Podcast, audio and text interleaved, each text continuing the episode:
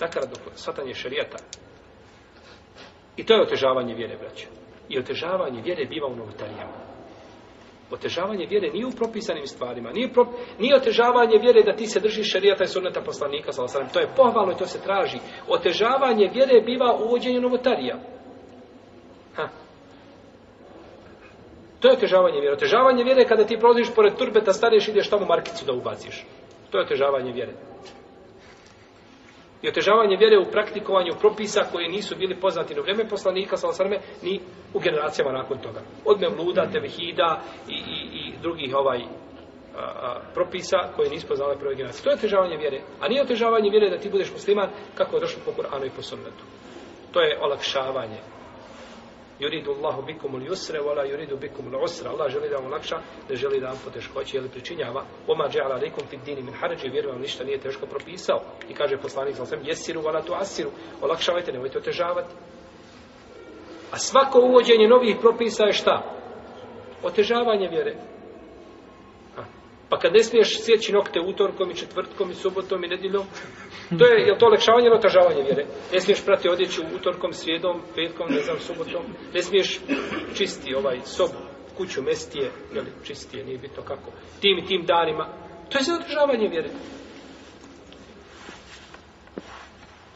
I imate skupinu ljudi da su žestoki, u pitanjima sunneta, koliko je žestoki u pitanjima uvedenih stvari, ne bilo bolje na muslimana na zemlji. Bili bi ashabi ovoga vremena. A međutim, čovjek je spreman da bude pokoran šeitanu tamo gdje nije pokoran svome stvoritelja za uđe. Oma kana rabu kene sija, a tvoj gospodar ne zaboravlja. I u šarijetu vraću ništa, ostavljamo nama da razbijamo sebi glavu, kako ćemo i šta ćemo. Ništa. Sve imamo, znači, tu i sve nam je prenešano. Kako je poslanik sa osvijem živio, šta je radio, imate od toga kako je poslanik sa osrme obavljao fiziološku potrebu. Od najmizernije stvari u očima a, čovjeka do toga kako je uredio državu. Sve. Neka mi neko spomene jedan detalj koji nam nema od poslanika sa osrme koji nam je bitan. Koji Jedan detalj. Sitnicu bitna, a nije prenešena. Ne postoji. Sve živo. Ne nas kaže Ibn Maliki, nije, kaže, u svojoj bradi i u kosi imao više od 20 bijeli dlaka je bitne stvari, koliko ima vijali, 20 ili 25.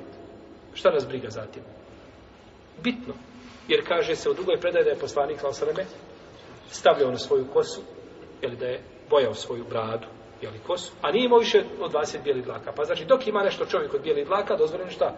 Da farba svoju kosu mimo crnom fluoredu. I tako dalje. Sve predušano. Hajde neka mi neko spomene lažnu predaju kako je spavao Ibrahim a.s. ili Musa ili Isa. I koliko je Isa a.s. imao djece i koliko je imao žena. I neka mi spomene gdje je kabur Isa a.s. ili Ibrahima ili Musa i bilo koga drugog od poslanika. Neka mi spomene neko kako je obavljao ibadet. Neka mi spomene neko kako je jeo i šta je najviše volio da jede. Ništa. Ma nemate sitnice. Oni kažu pozivamo ljubav i Isa alaihi U redu, Isa alaihi sallam, Allahov poslanik. Dajte mu Isa alaihi jednu stvar koja govori o ljubavi. Da je prenešena sa lancem prenosilaca. Nema ništa. O našem poslaniku o tome ima tovar. Ne želeći nikako. Isa alaih salam je bio poslanik koji je prenio od Allaha ono što ime je zadužena za ođel. A, e, dostavio dosljedno ono, ono čime je bio zadužen i njegova risala i vrijeme i ovaj validnosti te risale i te poslanice isteklo. I ne vrijedi više. I zato nije ništa ni došlo i da se slomite ništa u šta ja ću slediti sa, želim da sledim Isa alaih sallam, u redu, želim da budem kršćan da sledim Isa alaih sallam, recim kako, šta da sledim? Ja hoću da znam kako je poslanik spavao, da spavao kao što on spavao. Kako je poslanik sam jeo da jedem, kako, kako je poslanik sam živio svoj život kućni unutar, kako je uredio to, želim. Kako je uredio državu, želim da uredim državu, kako je uredio poslanik, jel u redu? Jer on najpriči da se po njem vladam, ništa nema. Jer to nije došlo za nas, to je bilo za nekoga drugog ljudi u to vrijeme, ko je prihvatio, prihvatio, ko nije prihvatio, ljudi to svojim rukama iskrivili i uzvišen je Allah poslao nešto što je to dokinulo. I do nas došlo i ostaće do sunnje dana svaki pokret poslanika u namazu, kako je pokretao prst, na koji ga je način pokretao, gdje je ruke vezao, kako ih je dizao, kako je na sežde bio, koliko je ruke ustavno širio, svaki pokret i svaka sitnica. Svaki pokret i svaka sitnica u njegovim ibadetima i u njegovim, znači, običnim stvarima. Pa uzvišen je Allah te barak je otala nije ostavio u šarijetu. Ništa nam nije pojasno. I vallahi, da drugi braćo imaju ono što mi imamo. Ja mislim da biste vi njihove glave od kibura vidjeli negdje gore vezane za oblake. Toliko bi se njihovi bratovi i istegli od kibura i doholosti šta imaju. Pa dobro, mi smo preći da budu naše, naši bratovi u oblacima ne iz kibura, nego iz ponosa. Ne, nećemo biti kiburli prema drugima, mi bismo voljeli da je svako musliman i da svako sledi vjeru, no međutim, bit ću iz ponosa što sam musliman. I ovo što mi imamo nema niko drugi. I ovakva pojašnjenja vjere, ovo nema niko. Znači, kada bi se sve vjere i sve ideologije i principe na zemlji sakupili, ne mogu ni na približno, ni na približno ovakav način pojasniti čovjekov život.